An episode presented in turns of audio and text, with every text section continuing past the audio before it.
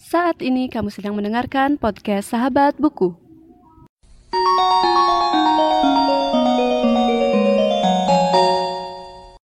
Sebelum mendengarkan episode kali ini, jangan lupa follow podcast Sahabat Buku di Instagram di @podcastsahabatbuku. Selamat mendengarkan.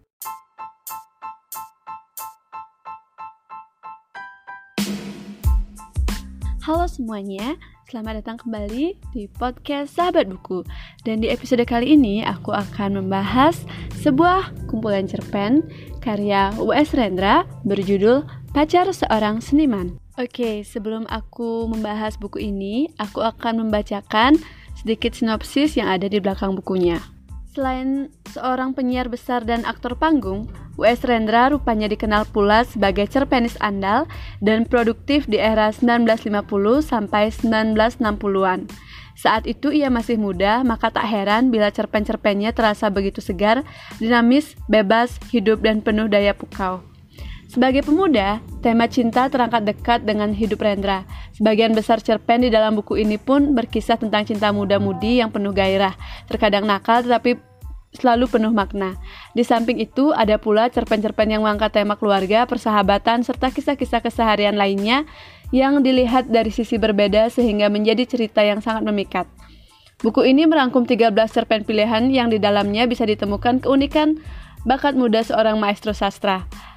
Beberapa cerpen di sini pernah pernah pula dimuat di majalah kisah yang pada saat itu menjadi salah satu barometer bagi penulis penulis sastra.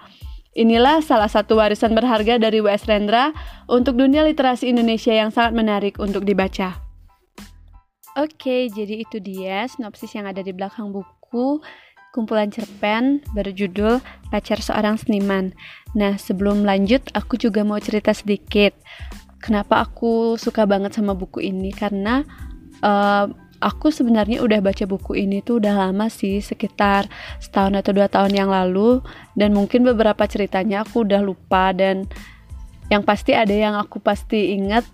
Dan itu keren banget gitu dan aku akhirnya membeli buku ini karena sebelumnya aku minjam di perpustakaan kampus.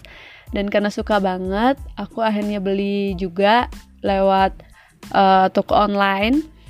Dan yang datang juga bagus banget karena aku belinya di toko online yang resmi. Jadi buat teman-teman yang suka belanja online dan beli buku aku saranin untuk beli buku di toko online yang resmi karena bukunya yang datang bakal buku yang asli bukan fotokopi ataupun bajakan gitu jadi untuk mengurangi uh, bajakan-bajakan buku, kita harus beli buku yang uh, yang resmi untuk juga menghargai penulis dan penerbit dari bukunya sendiri.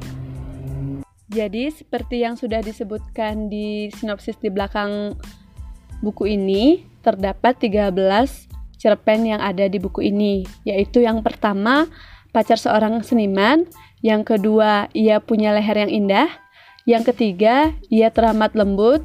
Yang keempat, pertemuan dengan roh halus. Yang kelima, orang-orang peronda. Yang keenam, muka yang malang. Yang ketujuh, ia masih kecil. Yang kedelapan, sehelai daun dalam angin. Yang kesembilan, pohon kemboja. Yang kesepuluh, ia membelai-belai perutnya. Yang kesebelas, gaya herjan. Yang kedua belas, wasya dan yang ke-13 adalah naf, naf, nafas dalam. Dan setelah ketiga ke-13 kumpulan cerpen ini terdapat biografi W.S. Rendra yang menurut aku sedikit berbeda dengan buku-buku yang lain di mana jika buku-buku yang lain biasanya biografi penulis hanya mungkin uh, satu atau dua halaman saja dan ya paling banyak tiga deh gitu tapi untuk di buku ini biografi W.S. Rendra dibuat dengan sedikit lebih panjang dengan beberapa halaman dan juga penjelasannya lebih mendetail dibandingkan dengan eh, buku-buku uh, yang biasanya kita lihat dengan biografi satu atau dua halaman tersebut.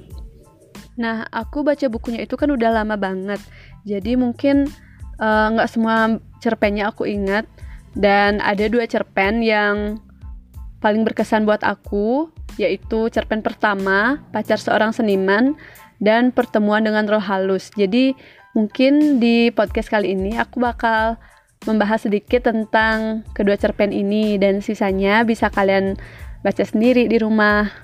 Nah, cerpen pertama berjudul Pacar Seorang Seniman yang juga menjadi judul dari kumpulan cerpen ini. Menurut aku, ceritanya itu ngena banget dan kayak gimana ya bisa dibilang uh, berkesan banget gitu karena kayak first impression atau pandangan pandangan pertama tuh jadi gimana ya jadi kayak uh, merasuk gitu sih buat aku kayak sebenarnya bukan pandangan pertama tapi kesan pertama itu buat aku sendiri kayak karena ini buku pertama dari W.S. Rendra yang aku baca aku tahu W.S. Rendra itu dari sekitar kelas 2 SMP saat guru bahasa Indonesia aku mengajar di kelas dan aku kayak uh, ya mungkin tidak terlalu mengerti kan waktu itu jadi yang katanya mungkin sastrawan terus uh, ada zaman zamannya gitu.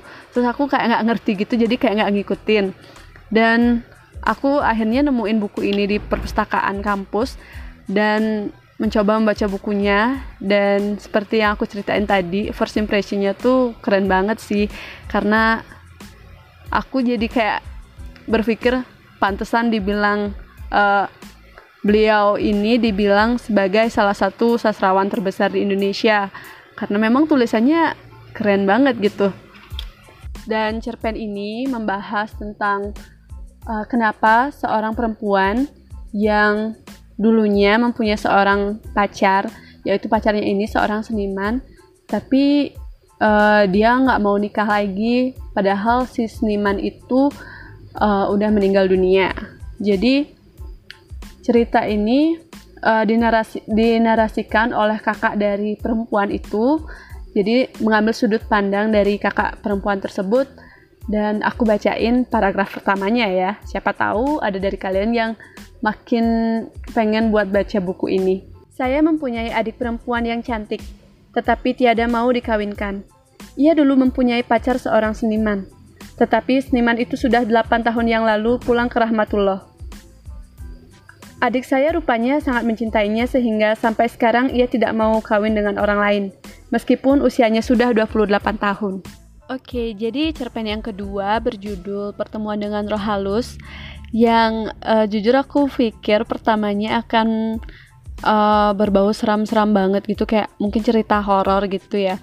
Dan emang cerita horor sih, tapi uh, ada sesuatu yang buat aku gimana ya? Ngerasa ini bukan cerita horor biasa yang yang notabene endingnya udah ketebak gitu. Jadi waktu aku baca aku masih inget banget aku nggak nyangka aja bakal segitunya gitu loh. Tanda kutip segitunya ending ending dari uh, cerpen ini. Makanya aku kayak masih keinget banget ceritanya gimana. Dan itu kayak gimana ya?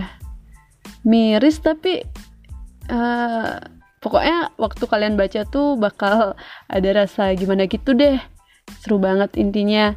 Dan ya itu aja untuk episode kali ini. Mungkin nggak panjang-panjang banget karena aku pengennya teman-teman baca juga bukunya kayak gimana. Jadi aku nggak bakal ceritain bukunya secara penuh. Ya paling nggak aku bakal ngasih gambaran sedikit lah untuk buku ini. Jadi intinya bukunya bagus. Dan siapa tahu buat teman-teman yang nggak bisa baca bacaan yang panjang-panjang bisa juga baca buku kayak gini. Karena kan bisa kalian baca satu cerpen per hari? Atau ya bisa dibilang kalau ada waktu dan sepertinya bakal ada waktu aja sih karena uh, dengan kita ngatur jadwal pasti kita bakal bisa menyempatkan untuk membaca setidaknya satu cerpen per hari. Dan itu aja untuk untuk podcast kali ini. Maaf jika aku ada salah kata dan sampai jumpa di podcast selanjutnya.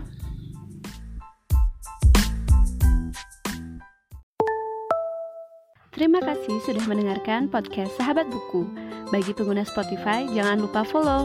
Dan pengguna Apple Podcast, jangan lupa subscribe supaya bisa mendengarkan semua episode baru dari podcast Sahabat Buku. See you in the next episode.